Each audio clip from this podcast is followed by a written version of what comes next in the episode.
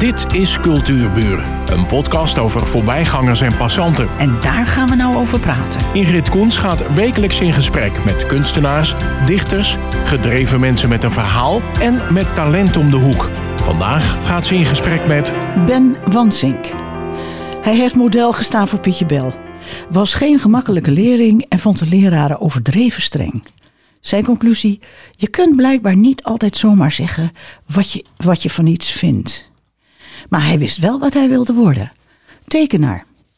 Op de middelbare school maakte hij gedichten en hij maakte zelfs proefwerken in dichtvorm, tot verdriet van de docenten. Maar in de avonduren was hij verslaggever bij de nieuwe Zeister Courant en schreef over huisvrouwenverenigingen, kerkbijeenkomsten en wat daar verder nog was. Vertel het verhaal eens, Ben, van die blokfluit. Dat is een eh, goedemorgen allemaal. Dat is op zichzelf een verhaal wat m- me een jaar studie gekost heeft. Ik moest op een gegeven moment, ik was een moeilijke leerling. Dat, dat blijkt wel uit wat jij voorlas net. Ik heb nogal wat eh, scholen mogen zien van binnen, omdat ze mij nooit begrepen. En ik begreep die scholen dus ook niet. Het grappige is dat ik later zelfs schoolhoofd werd. Maar goed. Ja, En ik werd op, die, op een gegeven moment van school geschopt aan HBS in Zeist. En toen had mijn vader eigenlijk alle scholen wel gezien met me. Ik wilde zelf naar de kunstacademie, maar daar had hij eigenlijk terecht niet zoveel trek in, omdat ik dan helemaal verdwaald zou worden. Toen ben ik eh, door hem geplaatst op een kweekschool. En ik heb, ik, toen zei hij, je wordt met tekenleraar. Ik denk, dat is geweldig, dan word ik tekenleraar. Dan kan ik toch tekenen, want dat wilde ik altijd. Toen ben ik op die kweekschool beland. En dat modderde verder. Ik was er meer niet dan wel. En had weer regelmatig problemen met de directie. Tot op een gegeven moment eh, de, het eindexamen kwam en daar zat een blokfluit aan vast. Dat heb ik stevast geweigerd. Ik zeg, jongens, we spelen geen blokfluit. We willen alles doen, maar geen blokfluit. Toen had ik met klasgenoten afgesproken, studiegenoten, we doen aan blok geen blokfluit. En dat mislukte, omdat ik de enige bleek achteraf die dit niet deed. En ik ben heel eigenwijs, eigenzinnig. En toen heb ik ook geweigerd op herhaald verzoek van de directie. Ben, doe dat nou. Eén noot, twee noten, het maakt niet uit. Dan krijg je vijf, dan heb je het een jaar en ben je klaar. En ik heb gewoon principieel gezegd, ik doe het niet. Mijn vader heeft op zijn knieën bijna gesmeekt. En het was geen makkelijke man van, doe dat nou maar. Ik zei, ik doe het niet. En toen moest ik een jaar terugkomen op de kweekschool voor blokfluit. ja, en dat, de rest had ik allemaal gehaald. Zo dom ben ik niet. Echt, eigenlijk, maar goed. Wel met dat blokfluiten. En een jaar later heb ik blokfluiten weer geweigerd. En toen heb ik er vijf gekregen. Het grote voordeel was wel dat ik door het eh, niet blokfluit wilde spelen... in Israël belandde, in een kibbutz waar ik een tijdje gezeten heb. En daar mijn vrouw ontmoet heb. Dus ik heb daar eh, een vrouw aan overgehouden... en ik heb een blokfluit verloren. ergens zeg je dat je, eh, je ging werken in die kibbutz en dat is een verhaal op zich. Nou, dat wil ik dus weten, hè? Vertel. Nou, het was natuurlijk 1971. Jij bent een stuk jonger dan ik. Flower power tijd. Ja, en dat was de tijd van eh, de Zesdaagse Oorlog in Israël. Dus dat was Oh. net achter de rug, de jaren 69, 70. Dat was geen goede tijd. Nee, we zaten in Noord-Israël tegen de grens van Libanon aan. En daar, eh, het was levensgevaarlijk eigenlijk. Als wij de kibbutz uit wilden om iets te gaan doen, dan hadden we altijd begeleiding van soldaten nodig. Als ik wilde stappen, en dat wilde ik altijd wel, had ik ook zo'n eh, uniformpje gekregen van een vriend, een Israëli. En daar liep ik ook rond als eh, zogenaamd soldaat. En dat eh, is een hele moeilijke tijd geweest, want we verwaarloosden onszelf enorm. Het was arm. Die kibbutz was smerig. Ik ben thuisgekomen 12 kilo afgevallen. Dat zou ik nu ook nog wel willen, maar ik ga niet meer naar de kibbutz. Nee. Nou, het zal nu anders zijn, denk ik. Ik hoop het wel. zijn ze er eigenlijk nog? Ja, ze zijn er zeker Oh, ze nog. zijn er nog. Het was toen de tijd een hier reisbureau Bergen, wat voor jonge mensen dat organiseerde. Nou, dan had je mijn groei natuurlijk. Ja, ja. Ehm, op een gegeven moment krijg je een baan aan een Montessori-school. Ja. Eigenlijk had je geen idee wat Mont- Montessori-onderwijs Nee. inhield. Nee. Hoe heb je dat toen gedaan? Nou ja, ik had natuurlijk de naam een probleemleerling te zijn. En toen kwam ik, toen- na dat examen, na die blokfluitgebeurtenis, kwam de directeur die heel gek op mij was.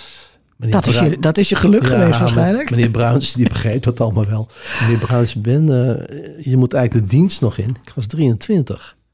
Ik was al getrouwd, want ik had mijn vrouw ontmoet. eh, En ik had er steeds de dienst op mijn nek zitten. Ze wilden me blijkbaar heel graag hebben.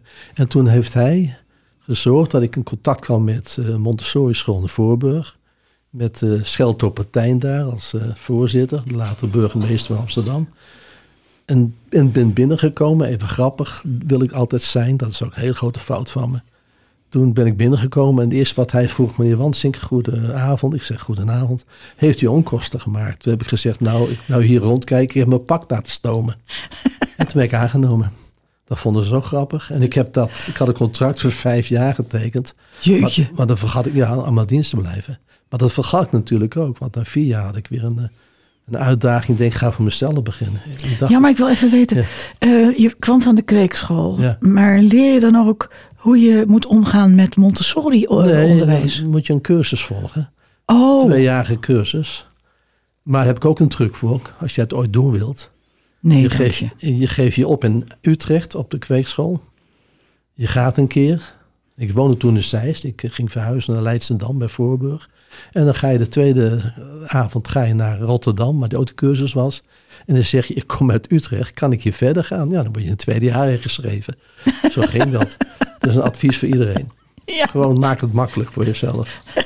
Maar aan de andere kant, het heeft ook nadelen, omdat je dus eh, al wel aangeeft dat ik eigenlijk een, een soort eh, te gemakkelijk over dingen heen valste, vind ik zelf. Nu achteraf.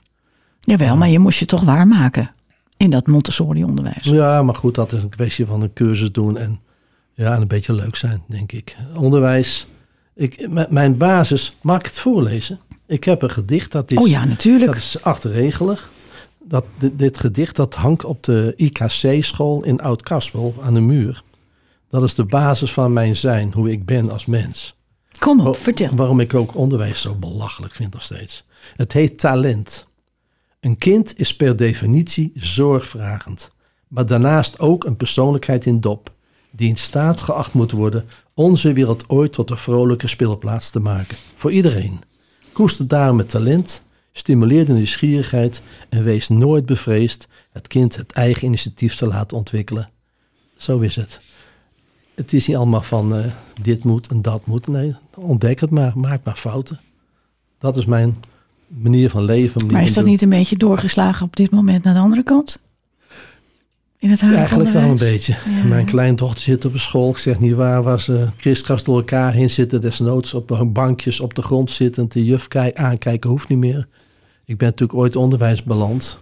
Door die opleiding op de kweekschool. En daar was discipline wel een groot goed. En dat moest ik natuurlijk wel leren. Dat heb ik daar wel geleerd. Dat vind ik nu ook wat minder geworden.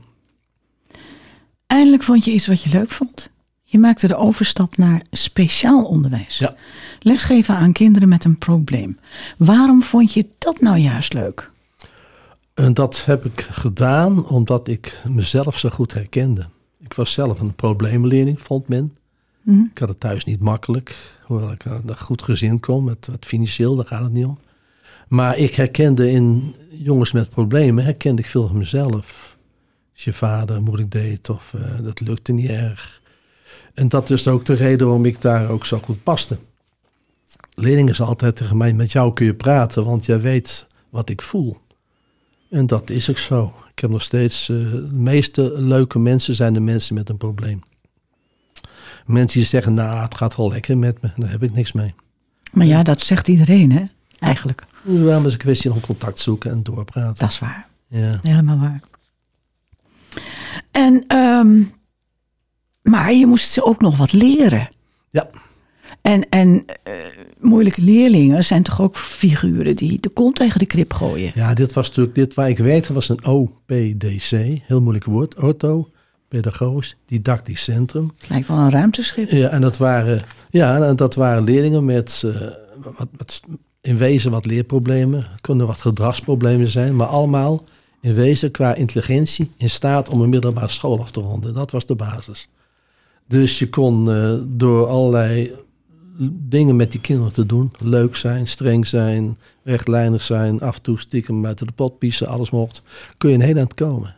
En dat was het fijne ervan. Als je, als je een kind begrijpt, een kind snapt jou, dan kun je heel ver met een kind komen. Is nog steeds zo. Ja, ze zeggen wel eens kinderen leren voor de leraar, hè? Ja, maar ook omdat kinderen van nature nieuwsgierig zijn. En heel graag dingen willen weten.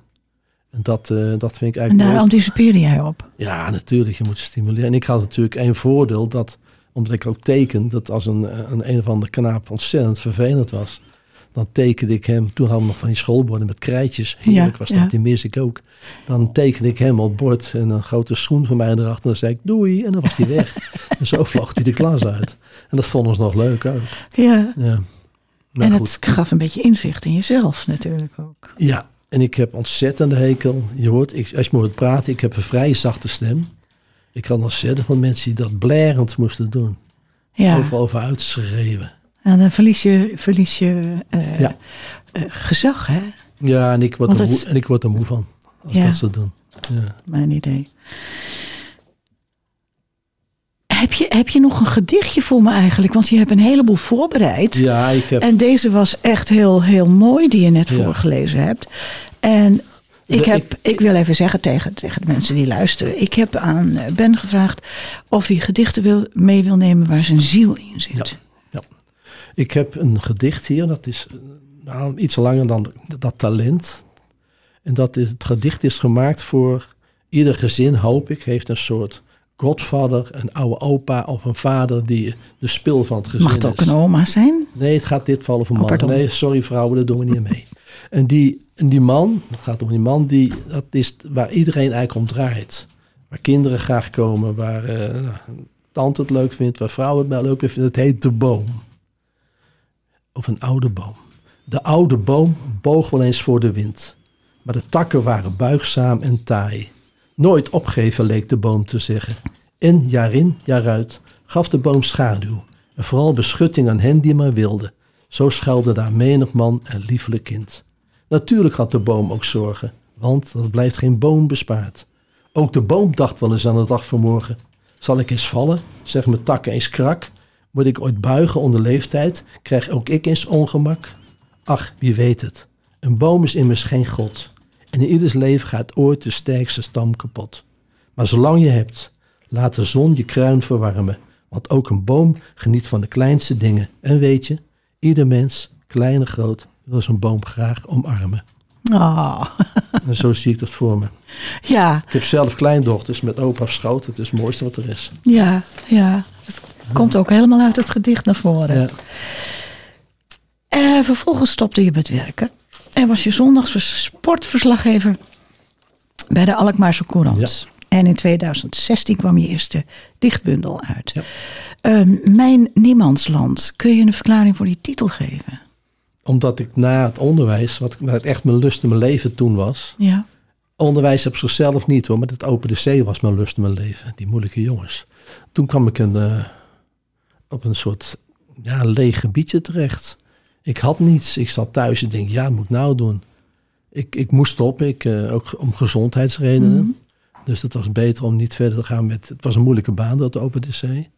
En toen dacht ik, nou, dan moet ik wat doen. En toen kwam ik een oud-ouder van, toen ik directeur van de Montessori school ooit in Heergewaard was. Ruud de Waard kwam ik tegen. En die werkte bij de Lange Dijk Nieuwsblad. En die wist dat ik ooit in Zeist geschreven had. En die zei, Ben, wil jij een column schrijven? En zo kwam ik eh, terecht bij het Lange Dijk Nieuwsblad. Het begon met een columnpje. Toen werden er gauw twee. Nou, ik heb er 170 gemaakt, heb ik van de week gezien. Ik ben dus nu gestopt. Tien jaar, hè? Ja, en toen kwamen daar de artikelen bij en de interviews. Ja, dat, dat vond ik ook weer zo'n fascinerende zin. Ehm, je groeide uit uit het maken van interviews. Maar wie interviewde je dan? En eh, was dat ook voor diezelfde krant? Ja. Voor Ruud de Waard? Voor- Kun je nou, daar dat- iets van Ruud vertellen? Is, Ruud is nu al ook medewerker, meer niet. Het, ik interviewde het liefst oude mensen. Waarom? Die hebben een verhaal. En die mensen die eh, kunnen je wat vertellen over hun, hun leven. Wat ze meegemaakt hebben. Ik je heel kort één ding vertellen. Ik kwam bij een echtpaar. En die man had in, de, in, in het kamp gezeten in Indië. Ik kwam eigenlijk voor iets anders. Maar bij mij liep het altijd de andere kant op. Die gesprekken. Ik deed maar wat. En die man vertelt me op een gegeven moment... dat hij op vierjarige leeftijd met zijn moeder en zusje...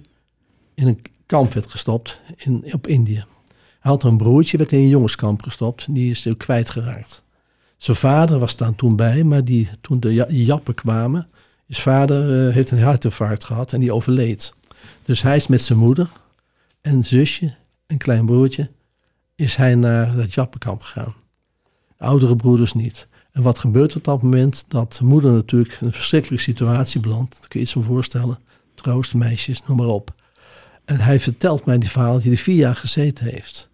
Vlak voor de bevrijding, toen de Jappenkamp viel, omviel, zeg maar, overlijdt moeder.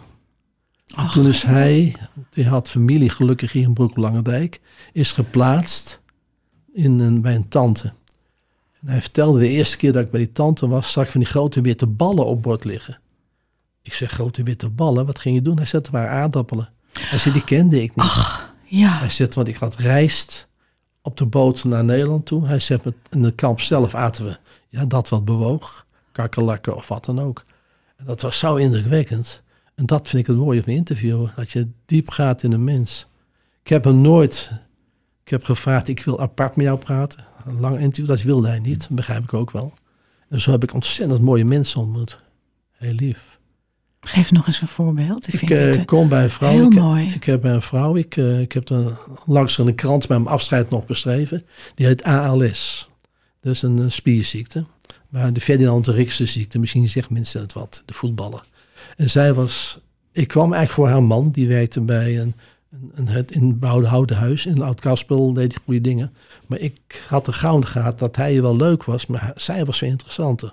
Zij lag op bed, lang uit, in een soort stoel. Dat was geen bed, een soort stoel.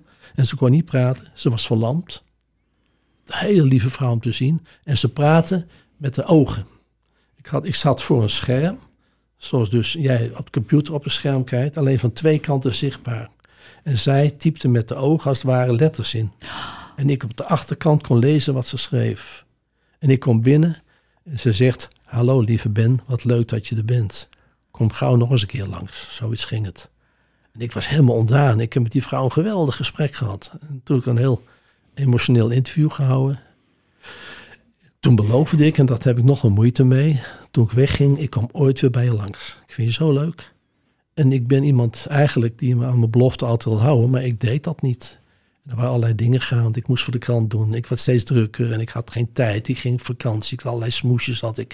Ik liep er vaak langs haar huis. En dan zei ik tegen mevrouw, ja, ik moet er gauw heen. En dat gebeurde dus niet. Tot ik in Gambia zijnde, waar ik regelmatig kom, eh, te horen kreeg dat ze overleden was. Hmm. Dat deed me heel veel verdriet. Ik was zo'n leuk mens. Jong, iets jonger dan ik.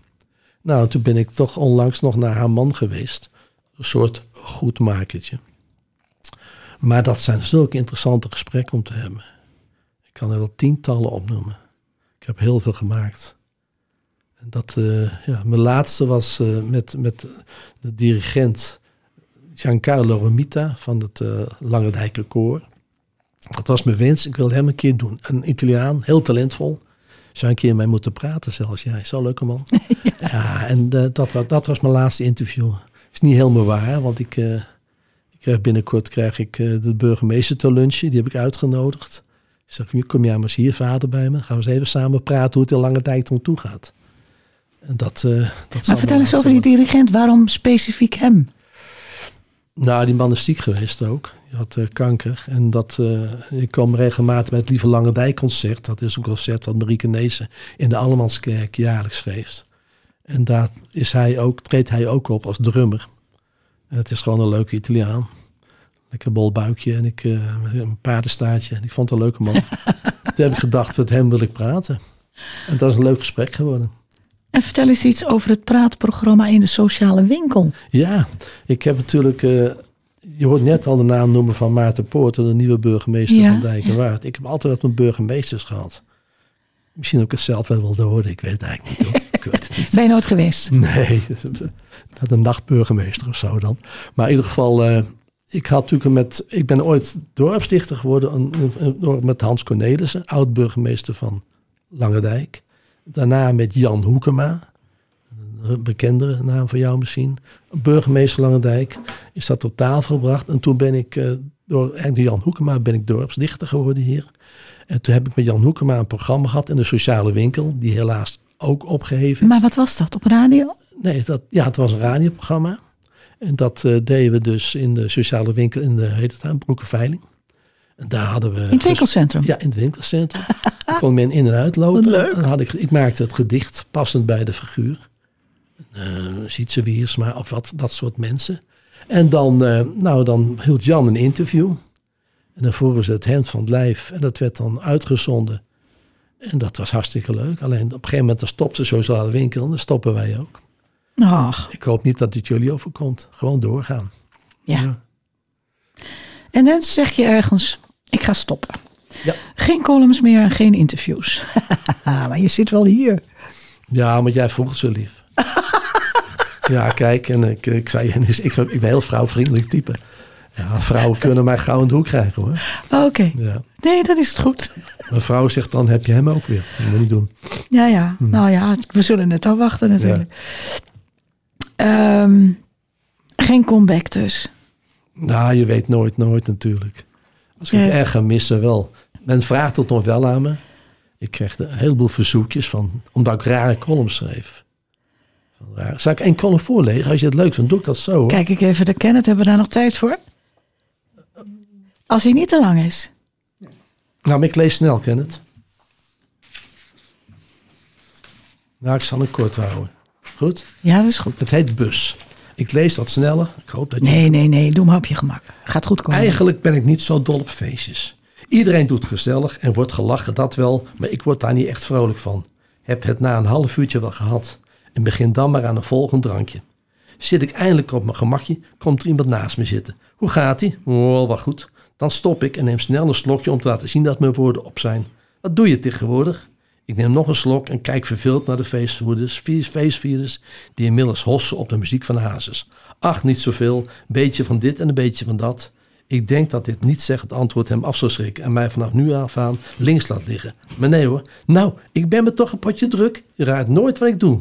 Nee, dat kan ik niet raden, is mijn gevatte antwoord. Ik, ik rijd op een bus. Ik vervoer ouderen van A naar B. Je meent het. Leuk hoor, zeg ik. Ja, en ze zijn maar wat blij met me. Ik praat gezellig met ze en geef de oudjes het gevoel erbij te horen. Dat vinden ze zo fijn. Ik knik en laat de informatie tot me doordringen.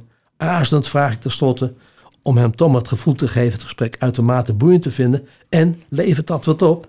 Hij kijkt me verbaasd aan en zegt trots dat het liefdewerk oud papier is. Die blije gezichten van die oudjes, daar doe je het voor. Zou je ook moeten doen. Kom je eens onder de mensen. Ach, ik ben al 67, zeg ik. En doe wat rustig aan, mompel ik. Verheugd staat de man op en duwt een kaartje in mijn handen. Hier, bel me. Kom ik een keer met de bus halen. Ja. Ik ben geen 67 meer hoor. Het, is, het is zo leuk, want jij zei ook dat je met oudere mensen eh, Ja. graag Ja. vanwege hun verhalen. Ja. Dus nu herken je het wat hij bedoelde. Ja, het is gewoon gewabbel. Ehm eventjes op de valreep. Eh, heb je nu tijd voor hobby's?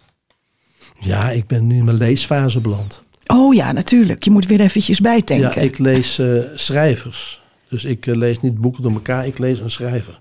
Oh ja. Ik zit nu in mijn Wilbur Smith fase aan te raden. Dat is Ja, een man ja, ja. geweldig Afrikaans verhalen. Dus ik lees nu 40 boeken van Wilbur Smith. Nog nooit iemand gehoord die dat doet, maar ik doe dat ook. Ja. En als ik ze niet heb, bestel ik ze gewoon allemaal. Ja, ik heb er nu nog zes liggen. en heel nog. verlekkerd zit ik dan te kijken dat ik er nog een paar heb Ja, als, staan. als een kind, ja, Ja, ik heb er 40. Ben, ik vond het hartstikke leuk dat je er was. ook. En ik zou willen vragen, wil je eindigen met dat prachtige gedicht Tijd? Tijd, ja, doe zeker. Al bedankt voor het interview.